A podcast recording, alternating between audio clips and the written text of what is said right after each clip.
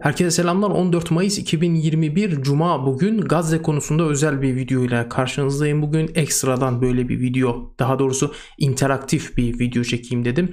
Çünkü neden interaktif? Burada ekranda gördüğünüz şu anda canlı yayında Gazze'den El Cezire Mubashir'in aktardığı görüntüler. Bu görüntüler eşliğinde Gazze'de son günlerde yaşananları, özellikle bugün özellikle yaşananları değerlendirmeye çalışacağız. Aynı zamanda El Cezire Arapça servisinin de farklı noktalardan aktardığı şu anda da ekranda gördüğünüz görüntüler eşliğinde bu video devam edecek. Ben kısa bir video olmasını e, planlıyorum. Bu kısa video içerisinde de bölgeden gelişmeler, e, bölgedeki çatışmalar ne aşamada, nereye doğru evriliyor ve bunların kısaca böyle arka plandaki farklı dinamikleri değerlendirmeye çalışacağız. Ben tekrar şöyle El Cezire Mubashir'in e, görüntüsünü alayım burada. Şu anda Gazze'de, Gazze'den canlı olarak yayın yapıyorlar. Burada hemen burası da Nablus'taki e, gösterilerden. Bu şekilde bir yayın olacak. Şimdi ilk olarak arkadaşlar konular neler? Ben gene notlar aldım e, Gazze konusunda. Biliyorsunuz son günlerde oldukça fazla füze saldırıları gerçekleştirmeye başladılar. Gazze'den İsrail'e yönelik Yahudi yerleşimlere yönelik çok fazla füze saldırısı gerçekleştirildi. Bununla ilgili ben bazı notlar da aldım. Bu notları da aynı zamanda paylaşacağım. Notlardan sonra da sosyal medya hesabında attığım bir mesajın altına yazılan soruları da kısa kısa yanıtlamaya çalışacağım. Bu soruların daha detaylı olarak e, yarınki podcast yayınında da bunun üzerinde e, duracağız. E, şimdi tekrar bir El Cezire'ye bakalım. Burada halen Nablus'taki gösteriler devam ediyor. Burada da Gazze. Az önce bu arada Gazze'ye bir hava saldırısı daha oldu. Şiddetli hava saldırıları bir anda geldi e, İsrail'in.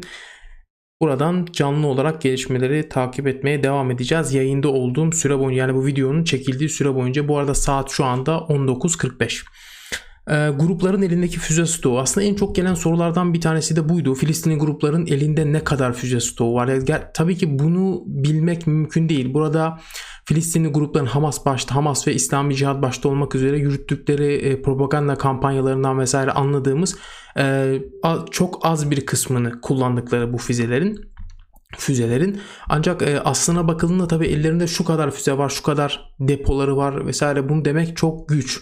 E, tabii ki şu ana kadar 2000'den fazla füze atıldığı ifade ediliyor Yahudi yerleşimlere ve İsrail topraklarına. E, o yüzden e, ellerinde bu kadar bile çok fazla füze olması aslında birçok kesimi şaşırttı. Ee, devamı gelir mi? Tabii ki devamı geliyor. Ee, İsrail Gazze'ye yönelik saldırıları devam ettirdiği sürece Filistinli gruplarda Hamas ve İslami Cihad başta olmak üzere Filistinli birçok grupta e, İsrail'e Yahudi yerleşimlere yönelik e, saldırılarını, füze saldırılarını etkili diyebileceğimiz birçok füze saldırılarını devam ed- ediyorlar. Bu arada etkili diyorum çünkü geçmiş dönemlerde ilk olarak işte El Kassam Tugaylarının Hamas'ın askeri kanadı El Kassam Tugaylarının füzelerini ilk sergilemeye başladığı, İsrail'e böyle ilk atmaya başladığı dönemlerde bu kadar etkili saldırılar gerçekleştiremiyorlardı. Yani füzelerin menzili kısaydı, taşıdıkları o savaş başlıkları oldukça küçüktü, birkaç kilo patlayıcıdan ibarettiler. Düştükleri yerde herhangi bir hasar e, oluşturmuyorlardı. Ancak bu dönem yani 10 Mayıs'ta başlayan bu çatışma sürecinde baktığımızda e, bu füzelerin daha da geliştirildiğini menzil bakımından ve taşı e, patlayıcı başlık bakımından da daha da geliştirildiğini görüyoruz. Ee, Yahudi yerleşimlere düştükleri noktalarda geniş tahribatlar oluşturduklarını gördük. Ben bunları da bizzat takip ettim. Sosyal medya ve Telegram kanalları üzerinden de bu görüntüleri paylaşıyoruz. Görmek isteyenler oralara da bakabilirler.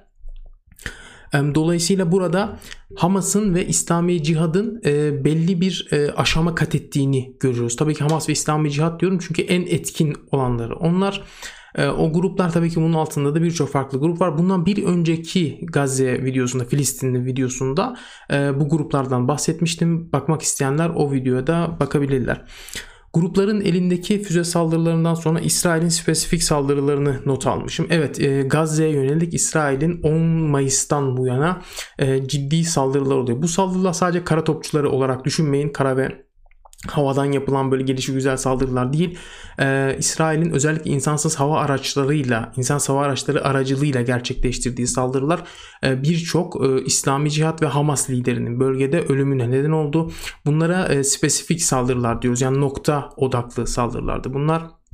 Bu saldırılarla birlikte e, ha, ha, gerek Hamas kanadı gerekse İslami e, cihat e, İslami cihadın yani askeri kanadı Seray el Kudüs ve Hamas'ın askeri kanadı İzzettin el Kassam Tugayları bunlar ikisi de liderlerin öldürüldüklerini doğrulayan mesajlar paylaştılar. Hatta bazıları cenaze görüntülerini de e, paylaştı. Yani burada İsrail'in e, spesifik saldırılarının devam ettiğini görüyoruz. Yani İsrail'de de ordu kaynaklarının da yayınladığı videolarda e, birçok e, spesifik olarak gerçekleştirilen, özel olarak gerçekleştirilen saldırılara ait görüntüleri görmek mümkün. Evet bu arada tekrar şöyle bir Evet buraya da baktığımız zaman El Cezire'ye geçtiğimizde Nablus'tan, e, El Halil'den, Askala'nın güneyinden ve Gazze'den görüntüler görüyoruz. Burada bir topçu bataryası görüyoruz. Ee, İsrail ordusuna ait. Askala'nın güneyi dolayısıyla Gazze'nin de kuzeyindeki hemen bir bölge. Bunların e, ben gündüz vaktinden beri takip ediyorum. Bu topçu bataryalarının aktif bir şekilde çalıştığını görmedim. Daha çok farklı noktalardan e, İsrail topçuları atışlar gerçekleştiriyor Gazze'ye yönelik. Evet Nablus'un güneyine şu anda bağlantılar. Bu görüntüler Nablus'un güneyinden. Tekrar mübaşire geldiğimizde Nablus'un güneyinden Hamas'a ait bir noktayı bu arada son dakika bir haber geçiyor. Hamas'a ait bir noktayı hedef aldığını e, söylüyor. İsrail ordusunun kaynakları. Gazze'nin güneyinde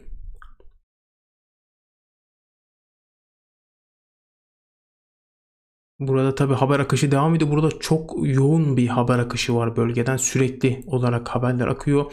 Ee, Türkiye'deki yerel basını e, takip ettiğinizde, yerel medyayı takip ettiğinizde dolayısıyla bu haberlerin çok çok çok az bir kısmını görüyorsunuz muhtemelen.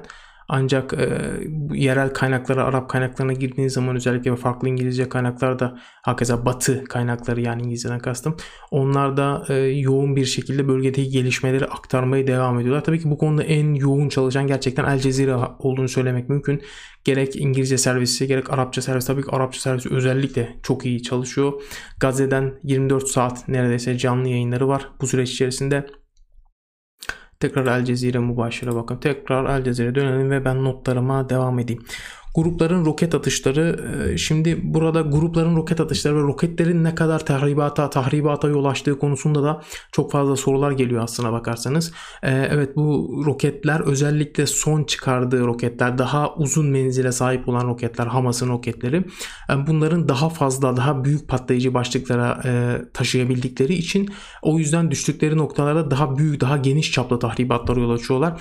O yüzden bu füzelerin tahribatları aslında oldukça büyük büyük e, olduğu söylenebilir. Tabii ki bunun yanında bir de bu füzelerin Yahudi yerleşimciler üzerinde oluşturduğu psikolojik etkiden de bahsetmek gerekiyor. Yani sürekli olarak bir füze tehlikesi, füze tehlikesi sürekli olarak e, sığınaklara girilmesi yönünde e, anonslar, çalan sirenler bunların da e, oradaki Yahudi yerleşimcileri oldukça olumsuz yönde etkilediğini aktarmak lazım. Ki belli bir süre sonra e, insanlar artık büyük ihtimalle sığınaklara girmekten de vazgeçeceklerdir. Çünkü orada bir tür e, bir asimilasyon süreci de diyebiliriz. Yani sürekli olarak füze saldırılar olduğu zaman, sürekli saldırılar olduğu zaman insanlar belli bir süreden sonra ya sürekli olarak sığınaklarda yaşayacaklardır ya da ki böyle bir imkan olduğunu zannetmiyorum. E, ya da artık evlerinde kalıp e, evlerinde kendilerini oluşturdukları alanlarla bu saldırılardan korunmaya çalışacaklardır. E, bu da insanlar üzerindeki e, psikolojik etki olarak ifade edilebilir. Füzelerin maddi olarak verdiği hasardan ziyade. Demir kubbe sistemi bu çok konuşulan bir şey aslında. Bu sistem ne kadar etkili? İşte videonun başında da söylemiştim. İsrail kaynakları yaklaşık işte atılan füzelerin Hamas tarafından atılan füzelerin %90 kadarını engellediğini iddia ediyor. Evet şu anda bu arada Gazze'den gene füze atıldı. Canlı yayında görüyorsunuz. Şu anda tam füze atılmıştı az önce belki gördünüz. Burada bir şu gördüğünüz noktada bir hava saldırısı mı? Tam olarak kestiremiyorum ben de ne olduğunu. Ancak az önce bir füzeye benziyordu. Atılan demir kubbe sisteminden bahsediyordum. Şu ana kadar Gazze'den Yahudi yerleşimlere yönelik 2000'den fazla füze atıldığı ifade ediliyor. Ve bunların İsrail ordu kaynakları %80-90 kadarının yanlış hatırlamıyorsam engellendiğini e, öne sürüyor. Ancak ben bu rakamın çok daha düşük olduğunu düşünüyorum. Yani %90 kadarını engelleyebilselerdi bu kadar hasar e, almazlardı. Çok daha detaylı görüntüler var. Füzelerin Yahudi yerleşimlere düştüğünü gösteren. Bu füzelerin arkadaşlar aslında bir de maliyet boyutundan da bahsetmek gerekiyor. Yani füzelerden kastım iki tarafında yani demir kubbe tarafı İsrail'in kullandığı ve Filistinli grupların kullandığı o füzeler. Bir yandan da gelişmeleri takip ediyorum çünkü alttan. Şimdi şöyle bir durum var. Ee, İsrail'in attığı o demir kubbe sisteminin kullandığı füzelerin bir tanesinin yaklaşık birim maliyetinin 40-50 bin dolar arasında olduğu ifade ediliyor.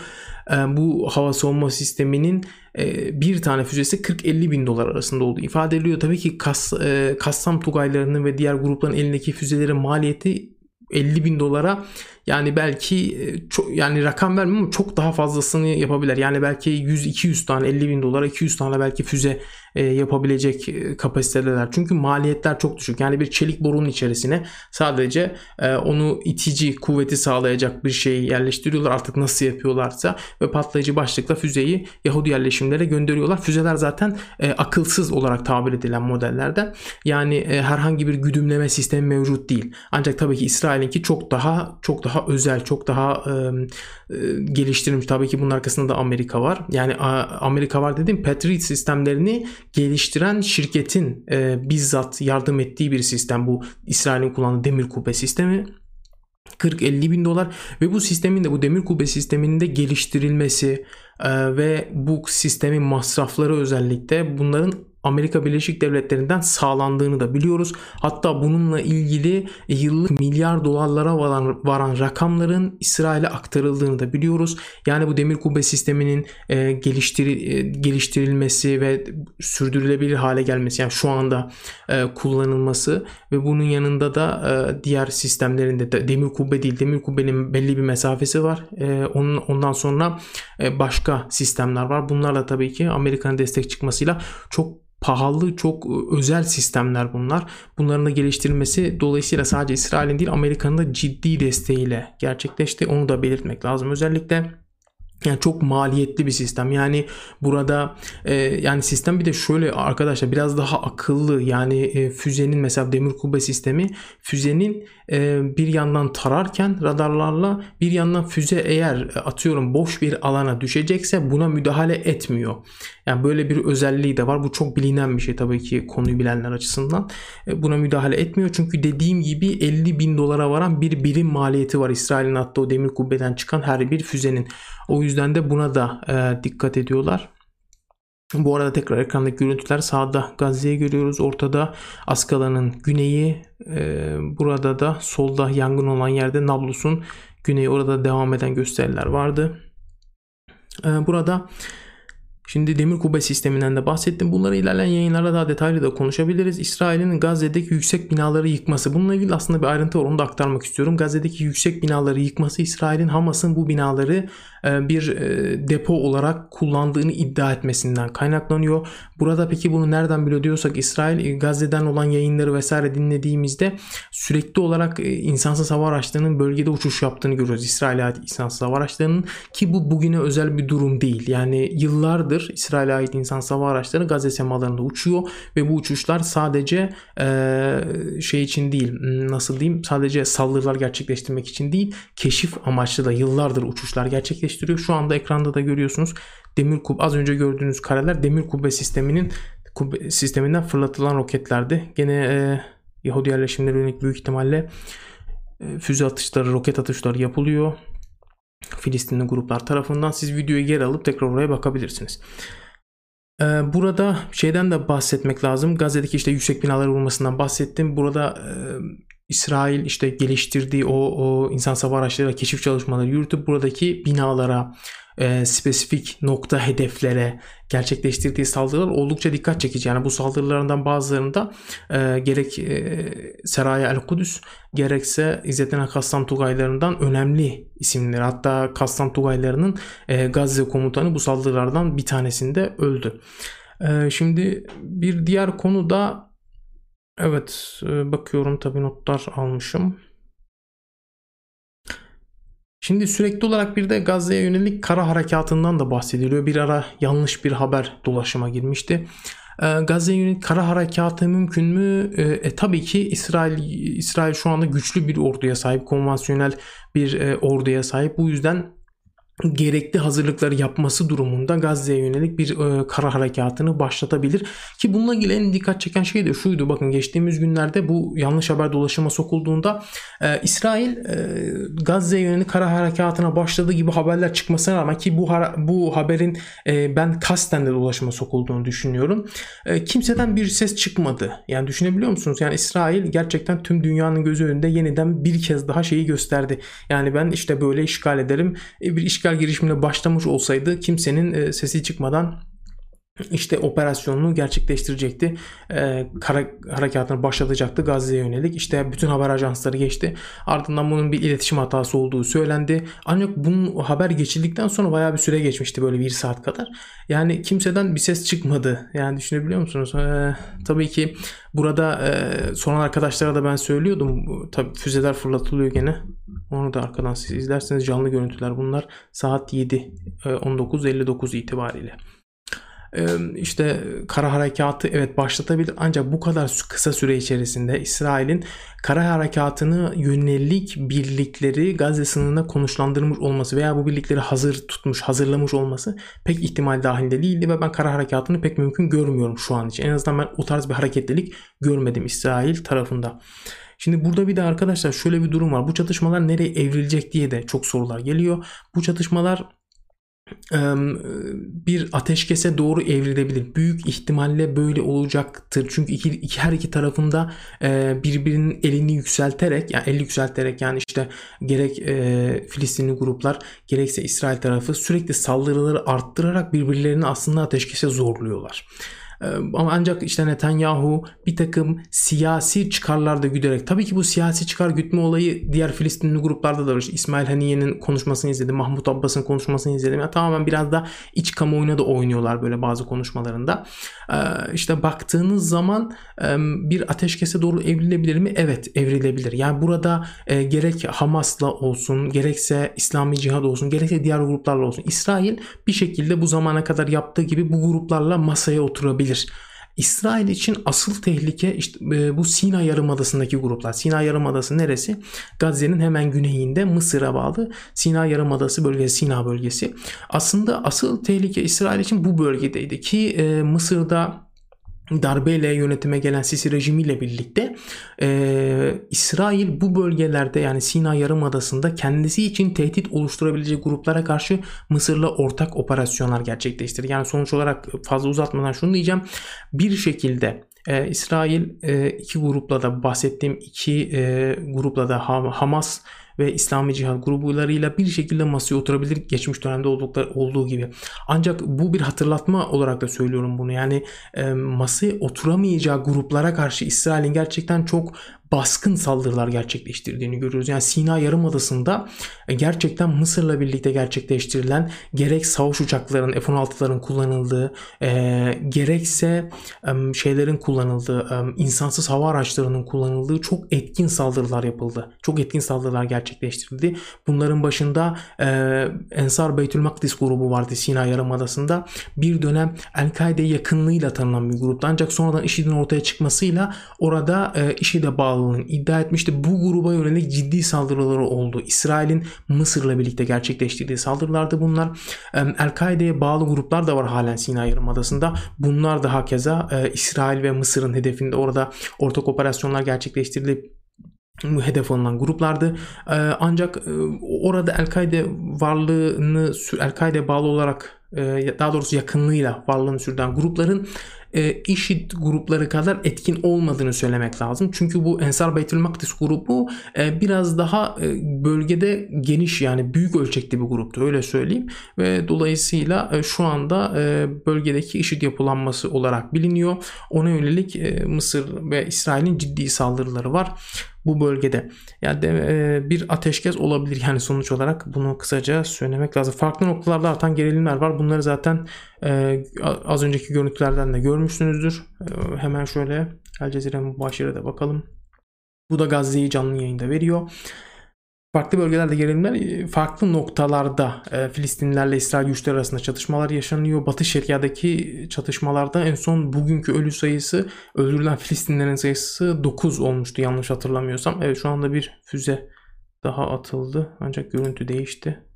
Evet şu an bunlar muhtemelen demir kubbeden ateşlenen füzeler.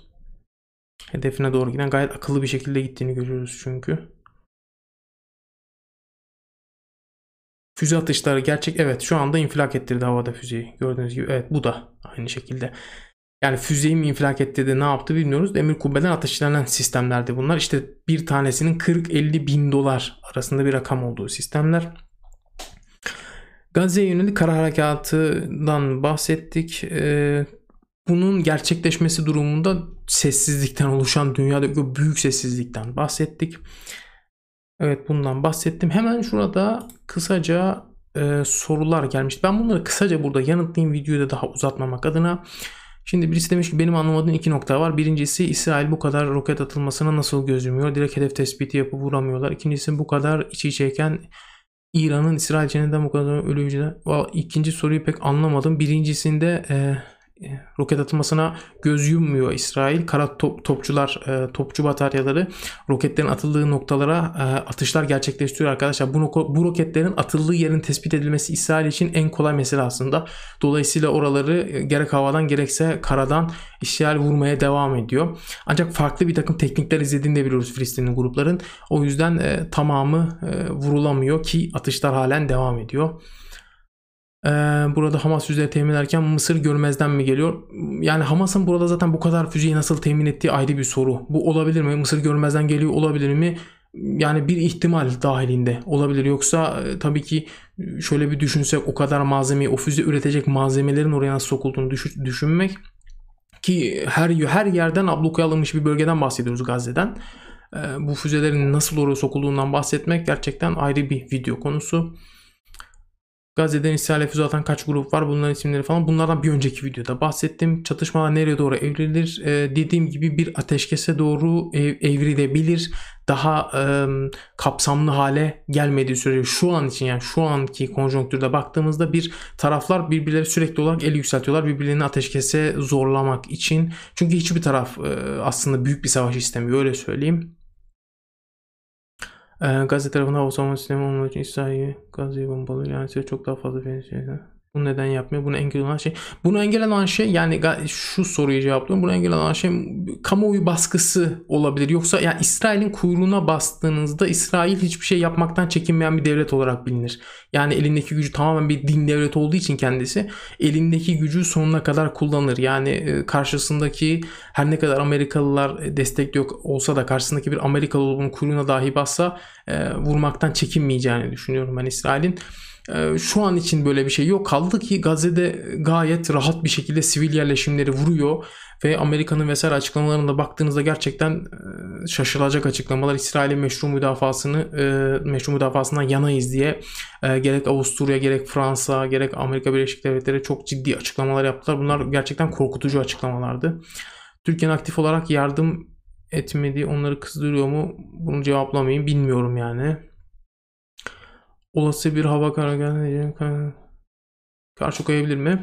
E tabii ki bu kadar füze sisteminin orada depolanmış olması olası bir kara harekatında direniş gruplarının oradaki grupların yani Filistin grupların farklı e, silah çeşitlerinde bölgede depolanmış ol, olabilme ihtimallerini akıllara getiriyor. Bunların en başında da şeyler var. E, güdümlü füze kitleri var. Kaç tane cemaat savaşıyor vesaire onlardan bahsettiğim bir önceki videoya bakabilirsiniz. Mısır'dan nasıl bir destek alabilir el altından? Karar harekatına başlarsa İsrail'de yaşayan Filistin Bunlar çok detaylı sorular. Tabii ki bunları e, bir yarınki podcast yayınında e, daha kapsamlı bir şekilde bence değerlendirebiliriz. Orada e, bilmeyenler varsa onu da linkini bırakayım. Telegram grubundan haftalık olarak biz birkaç haftadır daha doğrusu bir gündem değerlendirmesi programı yapıyoruz. Oraya da oradan takip edebilirsiniz. Yarın akşam yayında olacağız büyük ihtimalle bir aksilik olmazsa. Değişen fırlatan şu ana kadar ne? Ya dediğim gibi bu soruyu da cevaplandırmıştım zaten. O fırlatılan füzelerin e, İsrail %90'ını %80-90'ını engellediğini e, ifade ediyor. Ancak bu rakamın çok daha düşük olduğunu ben biliyorum. Yani birçok füze e, orada e, Filistinli gruptan attığı birçok füze aslında karaya düşüyor. Yani burada tabii ki çok büyük bir olay şu bu demir kubbe sisteminin de e, sorgulanmasına neden oluyor. O yüzden e, ben videoyu burada kapatayım. Bir sonraki videoda görüşmek üzere.